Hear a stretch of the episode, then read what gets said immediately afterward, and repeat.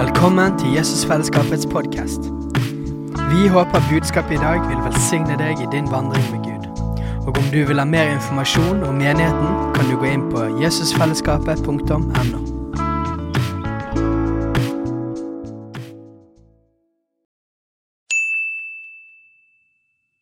Hei! Visste du at Jesusfellesskapet starter en ny bibelskole til høsten? Den heter Jesusskolen og starter den 3. september. Gå inn på jesusskolen.no for mer informasjon.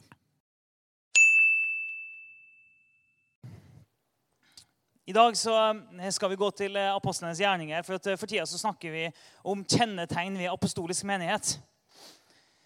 Og det som skjer i Europa nå, er jo en påminnelse for oss om at det er ingenting som varer evig. Ja, utenom Gud, da. Men at og, og, vi lever veldig godt her, og det kommer vi til å fortsette å gjøre.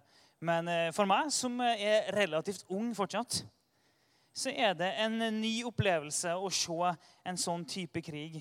Det er fortsatt et godt stykke unna på en måte. Samtidig så er det også ganske nært. Ellen har et søskenbarn som er gift med en ukrainer og bor der nede. Og da, da liksom, Ting kom plutselig veldig nært. Selvfølgelig sånn, I en optimal verden si, så burde det, alt ha grepet meg like mye. Alt, det, skjer veldig mye fælt rundt i verden. Men det har for meg vært en oppvekker uh, å se det som skjer. Og en påminnelse om at vet du hva, det, det, er ikke sånn at alt bare varer evig, og alt bare uh, blir bedre alltid. Uh, så det å snakke om oppestolisk menighet er faktisk veldig relevant. For det, det, vi da gjør, er at vi går tilbake og vi ser på den første kirke. Og så ser vi hva gjorde dem? Og så tenker vi hva kan vi gjøre i dag som er det samme? Sånn at vi kan få den samme frukten som de hadde. Hvis du går til Apostlenes gjerninger, kapittel 2 Nå jeg eh, vet ikke om du har Bibelen med deg, eller om du har mobil. Det er, er en uh, ung uh, en ung uh, mann som er glad i teknologi.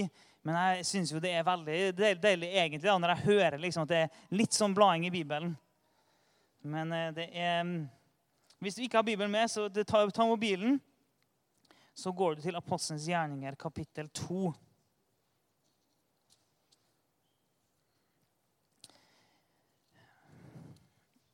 Her så leser vi om eh, at Den hellige ånd kommer.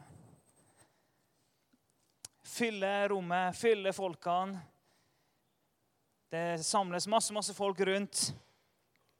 Og så står Peter fram, og så kommer han med en hel tale.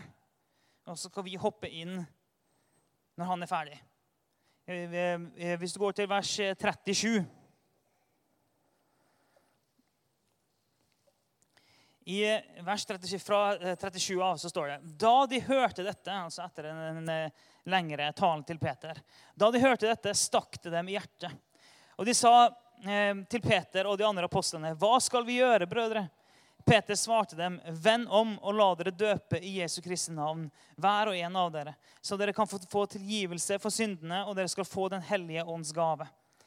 For løftet gjelder dere og barna deres og alle som er langt borte, så mange som Herren vår Gud kaller på. Også med mange andre ord vitnet han for dem, og han formante dem. La dere frelse fra denne vrangsnudde slekten. De som tok imot budskapet hans, ble døpt, og den dagen ble det lagt eh, til omkring 3000 mennesker.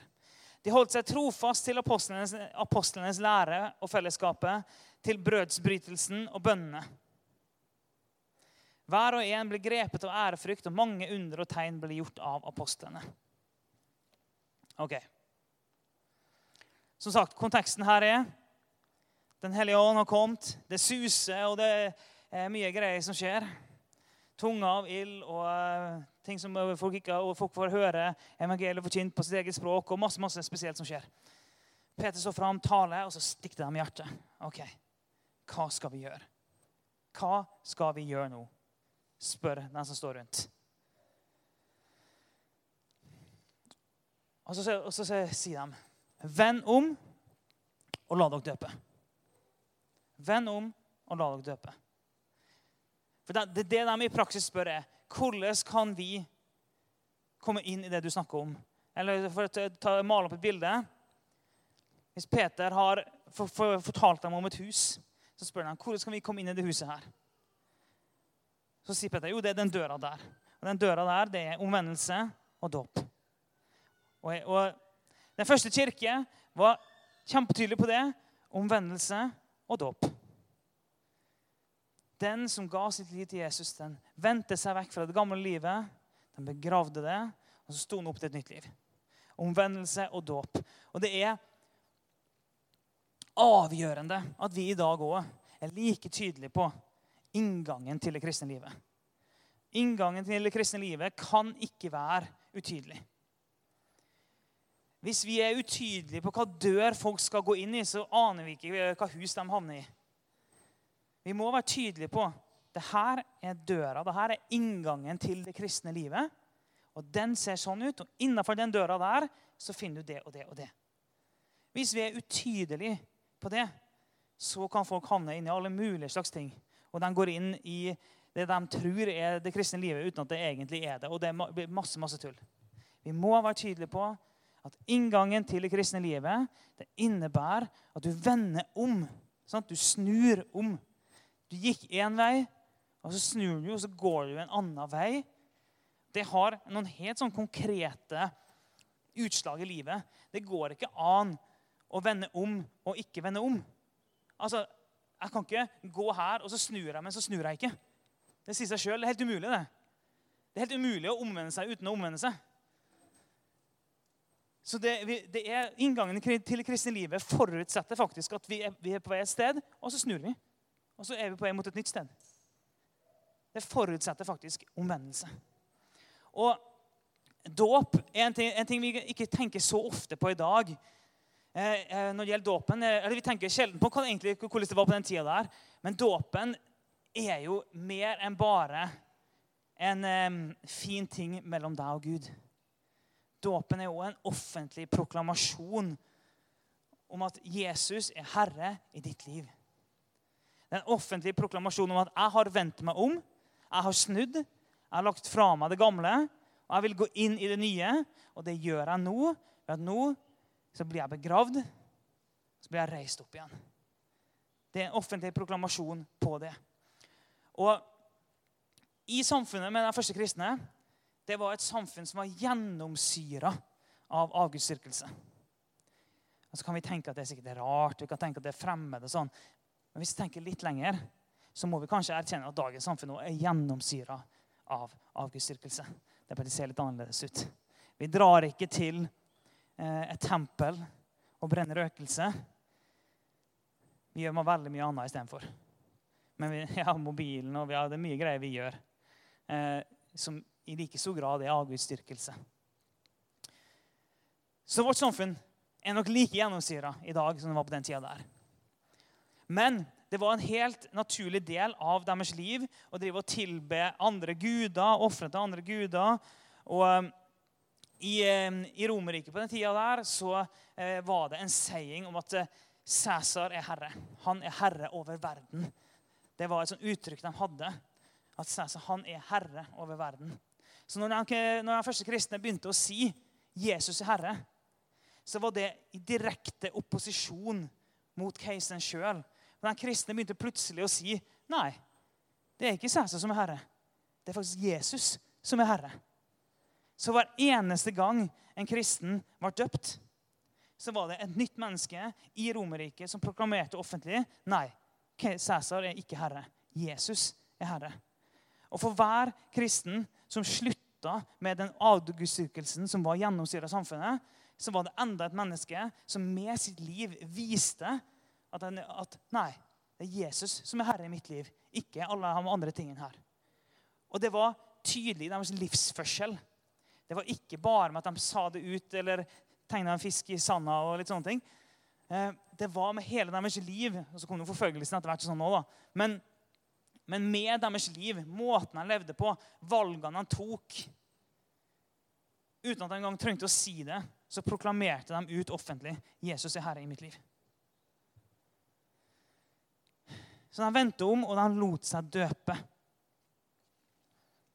Og Hvis vi leser litt lenger ned, eh, i vers 42, så står det at de holdt seg trofast til apostlenes lære, fellesskapet, brødsbrytelsen og bønnene, står det.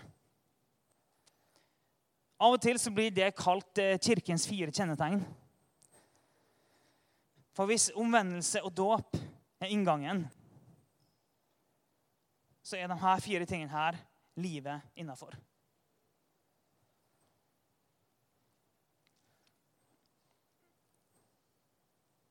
Og På samme måte som de holdt seg trofast til det, så trenger vi òg å holde oss trofast til de her fire pilarene. kan Du si. Du kan se på det. Jeg, brukte et bilde om et hus i stad.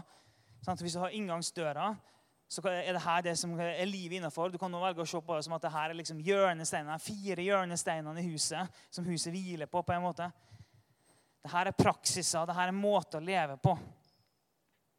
Som den, den første menighet, den apostoliske menighet, som de gjorde. Apostlenes lære. Kan vi tenke, Hva er det? Jo, det er akkurat det som det er. Det var læren som apostlene hadde. De hadde jo ikke Nye testamentet på den tida der. Så apostlenes lære var det som var autorativt for dem. Og de holdt seg trofast til det.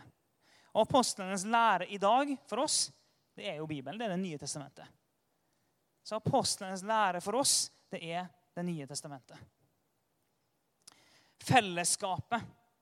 Det sier seg jo litt sjøl. Hva er fellesskapet? De møttes daglig i tempelet. Og de eh, brød brødet i hjemmene, så de møttes kjempeofte. Og de hadde fellesskap på ulike måter. Men i denne settingen her, så er det jo spesifisert at han holdt seg trofast til apostelens lære, fellesskapet, brødsbrytelsen og bønnene. Så når det står fellesskap her, så er det da ikke ment det fellesskapet en har når en ber sammen, eller det fellesskapet en har når en bryter brødet sammen. Det er spesifisert som en egen ting. Og vi vet jo det, at ekte fellesskap det er et liv vi lever sammen utenfor bønnemøtet. Det er et liv vi lever sammen utenfor når vi møtes her søndag klokka 11. Har vi et liv sammen som går utenfor det, selv om det her er kjempeviktig, det vi gjør akkurat nå, er kjempeviktig, men har vi fellesskap utenfor det her òg? Hjelper vi hverandre når noen skal flytte? Spiser vi middag sammen? Finner vi på gøye ting sammen? Går vi på kino med noen venner? Sånn, har vi fellesskap med hverandre? Hvis noen går igjennom en vanskelig tid, er vi der for hverandre? Bærer vi hverandres byrder? Gjør vi de tingene der? Hvis vi gjør det, da har vi fellesskap. Og, hvis vi, og, og Det å trofast holde seg til fellesskapet, det vil si at det her er min gjeng. Her, her investerer jeg inn i. Her velger jeg å bidra. Her velger jeg å være åpen og sårbar. Dette er mitt fellesskap. Og jeg holder meg trofast til det, og jeg prioriterer det. Brødsbrytelsen. Det er, jo, det er fortsatt noen som kaller, kaller, det det, og noen kaller det nattvær. og folk sier forskjellige ting. Men sånn, det å komme sammen, bryte brødet, minnes Jesus Han sa jo det at hver gang dere møtes, sa han, så gjør det her til minne om meg. Hver gang gjør det her til minne om meg. Og Det står her at de holdt seg trofast til å bryte brødet, drikke vinen, minnes at Jesus Han ble ikke bare født, som Steinar påpekte her, med jula. Men han døde faktisk og sto opp igjen. Det gjorde Jesus for oss. Og det gjør at vi kunne bli begravd, vi kunne dø og vi kunne bli reist opp igjen. Vi òg. De holder seg trofast til det. Vi skal prøve å ta det over i vår egen eh, kontekst. Ja, vi må gjøre nattvær sammen. Men det, det, det, å komme sammen og minnes Jesus det kan også sammenligne med en, en form for kollektiv tilbedelse. Vi kommer sammen, og vi minnes han, og vi tilber han, og vi takker han. Det gjør vi her på søndager. Da kommer vi sammen. Vi minnes hva Jesus har gjort for oss. Vi takker han, vi tilber han, og vi gjør det sammen. Egentlig burde vi hatt natta hver gang.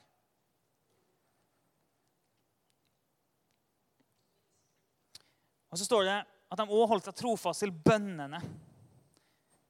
De ba sammen. Og ja, vi har et liv alene med Jesus. Det har vi. Men kristne opp gjennom hele historien har alltid bedt sammen. Det vil si i alle kristne som har vært forfulgt. Det vil si i alle fall alle kristne som har hatt det litt vanskelig. Det er ikke sikkert at alle kristne som har hatt det godt, nødvendigvis har bedt sammen. Dessverre. Men alle kristne som iallfall har virkelig trengt Gud, de har bedt sammen opp igjen hele historien. Og hvis dere har lest litt bøker av forfulgte kristne Hvis dere ikke har gjort det, så må dere bare gjøre det med en gang. Altså, det er Jeg holdt på å si det er en synd, det er det ikke. Men eh, det er Du må faktisk. Jeg er frimodig på å si at folk må ting. Jeg vet at det er noen som hater å få høre du må ting. Jeg er veldig frimodig på det, for det finnes objektive ting du faktisk bare må. Eh, og det å sette deg inn i forfulgte kristne situasjon, det må du faktisk. Det er et ansvar. Eh, men gjør du det, så vil du se at de ba sammen. Sånn når jeg har lest om kinesiske kristne som møtes eh, ute på natta, og noen møtes ute i kulden, eller når de skal, skal møtes for å døpe folk, f.eks., eh, møtes de ute med en eh, elv som er fryst til is, som må drevet med hakke midt på natta, og så tar de virkelig nærmest livet av de nye kristne nede i det iskalde vannet. Sånn at sånne ting foregår rundt omkring i verden med forfulgte kristne. Men de møttes, og de ba sammen, og de ber sammen. Så en apostolisk menighet holder seg trofast til det å be sammen med sine brødre og søstre. Og Det er nok en ting som vi trenger å innta i enda større grad. Det er å bare be mer sammen.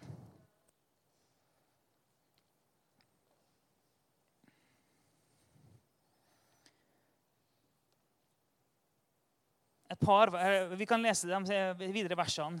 Vers 44 og litt nedover så står det alle de troende holdt sammen og hadde alt felles. De solgte eiendommene sine og det de ellers eide, og delte ut til alle etter hver enkelt som trengte det.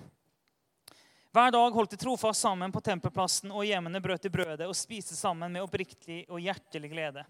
De sang og lovpriste Gud og var godt likt av hele folket. Og hver dag la Herren til nye som lot seg frelse. De her dro de jo, eh, de var, de var radikale. De solgte alt og delte alt. og sånn.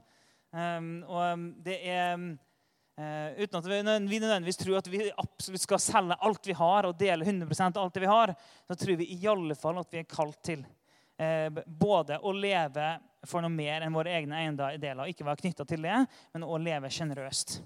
Det tror vi definitivt at vi alle sammen er kalt til. Og det å bruke av våre midler inn i et fellesskap. Det tror vi at vi alle er kalt til. Og de her de var radikale.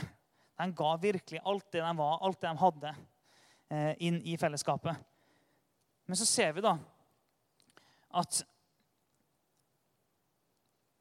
med en riktig inngang til det kristne livet, med noen kjernepraksiser i det kristne livet, så fikk de òg frukt. En ting var det, den frukten som skjedde øyeblikkelig, sånn 3000. Men Vers 47. De sang og lovpriste Gud og var godt likt av hele folket. Og hver dag la Herren til nye som lot seg frelse. Hver dag la Herren til nye som lot seg frelse. Hver dag. Hver dag. Og i alle fall, Hvis du er som meg som har lest det mange ganger, så er det lett å tenke at, eller det er lett å bare glemme hva vi leser. for vi leser så mange ganger. Det står faktisk hver dag. Hver dag la Herren til nye som lot seg frelse. Det er en helt enorm frukt. Det er en helt enorm um, innflytelse i det samfunnet de var en del av. Og de var krystallklar på hvordan du blir en kristen, og hva det vil si å være en kristen. Det de første kristne var, virkelig var kjent for, det var at de avsto fra avgudsdyrkelse, og de var kjent for sin seksualmoral. De var kjent for at han delte alt utenom ektefellen. Jeg syns det er litt morsomt. For det, det, det, var, det var, rimelig løssluppent. Jeg har lest litt om det. Det var rimelig, rimelig løssluppent. Det, kunne fint dele litt av hvert. Mens den kristne delte alt, men ikke det. det Ektesengen den delte de ikke. Og de, var, og de var kjent for det. Og av og til kan vi gå i den fella at vi tror at vi må bli lik verden for å bli likt av verden for å nå inn til verden. Det er ikke feil å gjøre det vi kan for å kommunisere og nå ut. Det er riktig. Paulus snakker om å bli jeg, hva som helst for å, for, at, for å nå inn til den andre. Eh, det er helt riktig, men det livet vi lever, er radikalt annerledes. Det vi kaller folk til, er radikalt annerledes. Men skal vi kalle folk til et nytt liv, så må vi leve det sjøl. Det er derfor vi i dag har fokus på de fire kjennetegnene i en apostolisk menighet. Å holde seg trofast til Bibelen og hvordan det ser ut i dag. Holde seg trofast til fellesskapet, sånn som det ser ut i dag. Holde seg trofast til tilbedelsen og det å alltid minnes Jesus, sånn som det ser ut i dag. Holde seg trofast til bønnene, bønnelivet, fellesbønn, sånn som det ser ut i dag. Og så står det 'trofast'. Han er trofast. Det ligger mye i det ordet. Og Det finnes synonym på det òg. Eh, Ordet tro innebærer en hel haug med forskjellige ting. Noen sier at tro er tillit. Jeg er ikke uenig i det. Tro er tillit. Men tro er mer enn tillit. Men tro er òg å være trofast. På engelsk er det 'faithful', altså full av tro. Um, tro er å være overgitt. Trofast er å være overgitt. Det er å være lojal. Alle de ordene her inngår i denne typen beskrivelse. Lojal til læren. Trofast til fellesskapet. Overgitt til bønnelivet. Det snakkes om mer enn at den bare at det var en del av kulturen deres. på en måte. De holdt seg trofast til det. Og det var et betydelig brudd med, med samfunnet rundt. Et betydelig brudd med samfunnet rundt.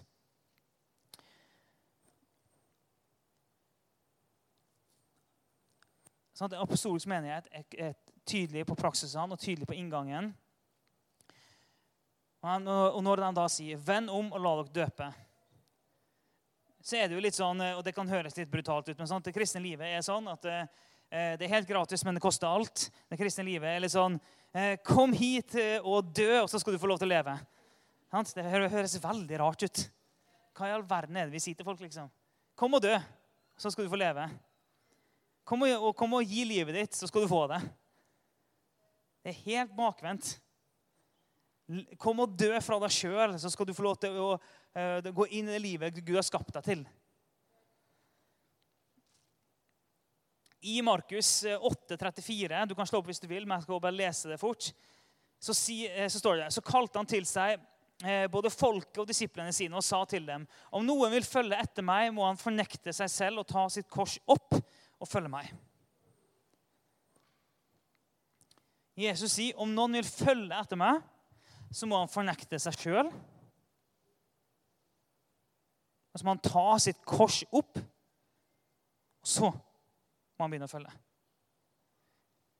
En har ikke tenkt over hva det vil si å ta opp sitt kors. Og det å, å gå bærende på et kors, det betyr at du er på vei til å dø. Hvis det var en person som bar på et kors, det var det samme som å bære på sin egen dødsdom. Å bære på korset, det er, er lik Du er allerede i praksis død. Du er dømt til døden hvis du bærer på et kors. Jesus bar på et kors. Det vil si han var for ødelagt av tortur til at han klarte det. Så han måtte komme inn en annen og bære det foran.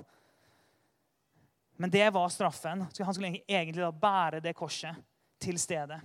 Og så skulle han dø. Så det å bære sitt kors, det er å dø. Det er å ta, å ta en dødsdom på seg. Så Jesus sier den som vil følge etter meg, må fornekte seg sjøl. Ta opp den dødsdommen. Som, og I dåpen så blir vi begravd og så blir vi reist opp. Og Vi trenger ikke å bli døpt 10 000 ganger etter, etter det. Det trenger vi ikke. Da har vi blitt begravd, og vi, og vi står opp til et nytt liv. Samtidig så vet jo alle vi som er her inne, at det er ikke sånn at vi lever superhellig som englene sjøl hver eneste dag etter det. Hvis det er noen som har opplevd det, så vil jeg veldig gjerne snakke med deg etterpå. Eh, men eh, de fleste, det, det, er ikke helt normalt da, kan vi si, å oppleve å leve på den måten her. Og det er ingen fristelser, og det, det er aldri noe synd i livet etter det. Sant? Det skjer ikke. Så ja, vi blir begravd i dåpen, og vi står opp til et nytt liv. Samtidig så er det òg en del av det kristne livet at vi dør hver dag. At i hver dag så tar vi det korset opp. Og så sier vi jeg dør fra meg sjøl. Jeg dør fra det livet her, og jeg følger Jesus. Med alt det det innebærer. Og hver dag så gjør jeg det på nytt. Jeg tar det korset. Det er en proklamasjon om at jeg er død fra meg sjøl. Jeg lever for Jesus. Han døde for meg. Jeg dør for han. Jeg tilhører han. Og det å tørre å være mer tydelig på det, både internt, men òg når vi snakker med mennesker om at det kristne livet det faktisk innebærer å dø. Vi tør å være litt tydelige på det. Det blir litt sånn at um, altså, Jeg jubler for alle som sier ja, jeg vil ha Jesus i hjertet. Det er fantastisk. Det, vi, det kritiserer vi aldri. Vi jubler for hver eneste sånn ting. Samtidig så er det en svakhet i hvis vi bare spør har du lyst til å få et fantastisk liv og få masse gode følelser og føle deg elska av eh, universets skaper. Um, har du lyst til det? Det eneste du trenger, er å si ja, jeg vil ha Jesus i hjertet. Er det noen som har hørt noe sånt? Det er ikke helt feil, men det er heller ikke helt riktig.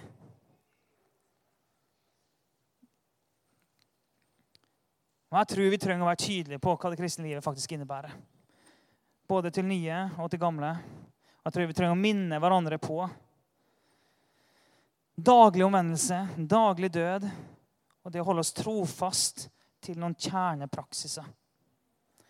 Og Når de holder seg trofast til apostlenes lære, de holder seg trofast til Bibelen, så betyr det for, for eksempel, Hvis Guds ord sier én ting, og verden rundt meg sier noe annet, hva velger jeg da?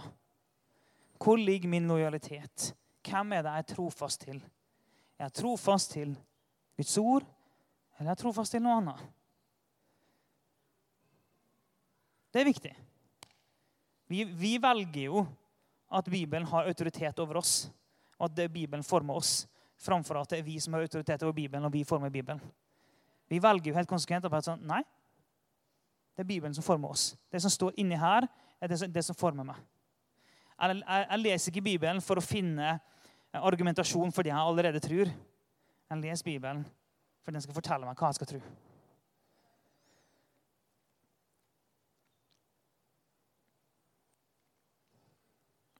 Så hvordan ser det her ut i dag? For Én ting er å lese om at det gjorde de på den tida der for 2000 år siden. Men hvordan ser det ut for oss i dag?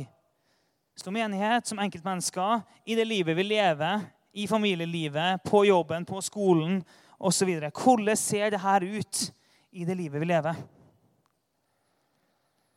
Det kan få forskjellige typer uttrykk, men hvis du i ditt liv deg til de her fire praksisene, og hvis vi som menighet holder oss til de her fire praksisene, så er min påstand at det er umulig at ikke det begynner å skje ting.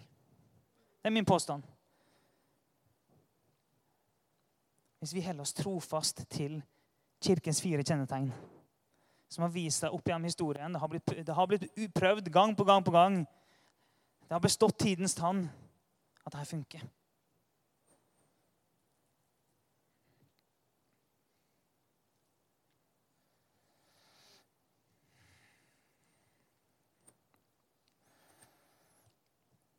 Trofast til Bibelen, trofast til det store fellesskapet, trofast til det mindre fellesskapet, trofast til tilbedelsen, trofast til bønnelivet.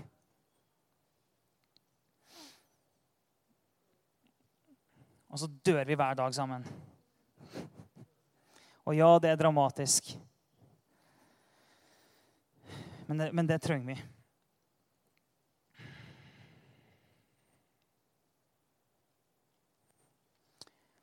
Paulus sa jo det i Galaterbrevet 2, vers 19 og 20. Ved loven døde jeg bort fra loven, så jeg kan leve for Gud.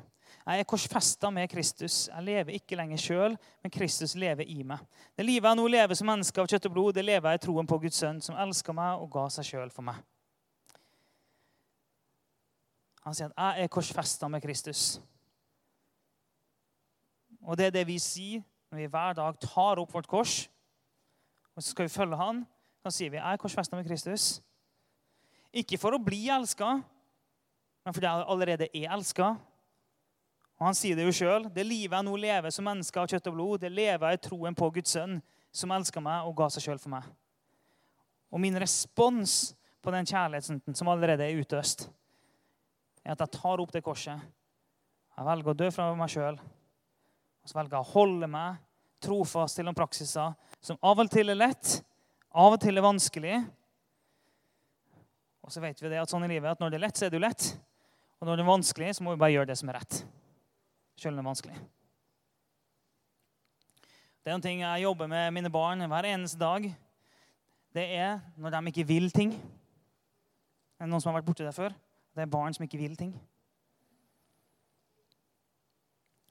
Det, det, det møter jeg mer og mer jo eldre jeg blir. Spesielt med Else. eldste. De yngste liksom, de, de, vil ikke bare det som klikking og sånne ting. Men, men sånn, han eldste blir jo mer sånn at han, han, vil ikke. Han vil virkelig ikke. liksom. Og så bare sånn, Noen ganger er jeg veldig snill og forklarer og prøver å møte alle hans følelser. og sånn. Mens andre ganger så er jeg sånn Ja, men det hjelper ikke. Altså, Sånn er det bare. Jeg kan ikke gjøre noe med det. Du må faktisk. Altså, Du vil ikke, men det, det, sånn er det bare. I noen dårlige øyeblikk så har jeg til og med sagt jeg bryr meg ikke. Jeg, det, det, det, det, jeg henta det fort inn igjen, for jeg merka at det, var å dra det litt for langt. Det, traff litt dårlig hos han, merka jeg. Um, men, uh, men, det funker veldig bra å si at sånn er det bare. Av og til trenger vi kanskje å høre det òg. Fra Gud, eller, eller, kanskje fra fellesskapet, fra våre brødre og søstre, at det, vet du hva, det hjelper ikke. At ikke du vil. Du må faktisk bare. Altså, Hvis du er seriøs med at du, du, er, du, virkelig vil leve det livet her, eller hvis du faktisk har dødd for deg sjøl, så det hjelper ikke. Det finnes ting du bare må. Kanskje det er ikke det beste stedet å avslutte. Det finnes ting du bare må. Eh, men sånn er det jo når jeg forkynner. da. Det finnes faktisk ting vi bare må. Iallfall hvis det vi har lyst til. Det vil si vi har lyst til. Så Jesus, jeg ber om at du skal eh, tale til oss eh, alle som sitter her i dag. Men du skal vise oss hvordan det her ser ut i livet vårt eh, som enkeltmennesker, som eh, menneskefellesskap. Hvordan ser det her ut for oss i dag? Hvordan ser det ut å være trofast til ditt ord, til fellesskapet, til brødsbrytelsen, til bønnene? Hvordan ser det ut? Bare Du skal tale til hver enkelt av oss og utfordre oss til hvordan det ser ut å holde seg trofast til. Utfordre oss i dag, Gud, til hva det vil si og at vi holder oss trofast til deg og til praksiser som fører til deg. Tal til oss og vis oss det, Gud. Hellige Ånd, åpne våre øyne og åpne våre ører, sånn at vi kan se og vi kan høre. Åpne våre hjerter så vi kan ta imot det du har å si. Gi oss mot så vi kan gå på det som du taler om. Gjør oss villige til å gjøre forandringer i eget liv. Gjør oss, gjør oss villige til å betale en pris. Åpenbar for oss hva du har gjort for oss. Åpenbar for oss hva det vil si å dø. Så kom og tal, Jesus, til oss som fellesskap og hver enkelt.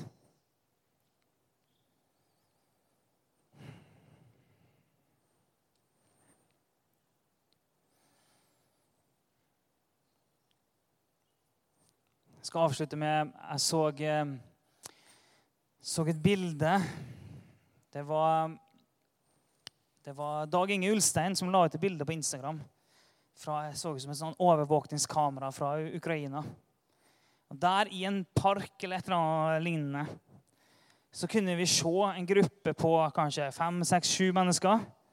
Så ut som det var noen damer med skaut og sånn. og eh, og der, i den parken, eller på en åpen plass i alle fall, så var det en liten gruppe mennesker som hadde bøyd kne. Midt der så hadde de bøyd kne sammen, og så ba de. Dette var etter at, eh, at eh, russiske styrker hadde begynt å komme inn. Og når jeg så det, så tenkte jeg at her har vi noen som holder seg trofast til mange ting. De holder trofaste trofast fellesskapet. De er sammen. De holder trofaste trofast bønnene. Og De tar det til og med ut i offentligheten. De viser at deres liv er annerledes. Og så bøyer de kneet. De står foran en forferdelig vanskelig tid. Og så bøyer de kneet, og så begynner de å be. Kan vi være en menighet som gjør det der uten at vi har tanks som står og sikter på oss? Kan vi være en menighet som gjør det der, selv om vi har all mat vi vil? Alt er i butikkene. Vi har gode, varme hus. Ungene har det fint. Kan vi gjøre det der mens pengene renner inn på konto? Framtiden er sikra. Kan vi gjøre det der før ting er fælt? Kan vi for en gangs skyld klare det? Sant?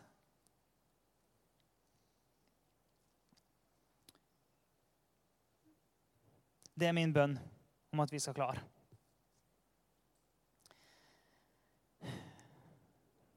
Så endte vi på sånn high note. Yes.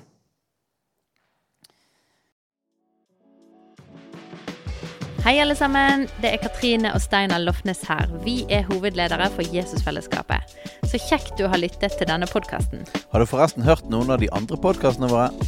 Ukens tale, Disippelskolen, Hyrdepodden, Kulturkrigen og Mammas hjerte. Du finner disse podkastene på Spotify, Apple Podkaster og på nettsiden vår jesusfellesskapet.no.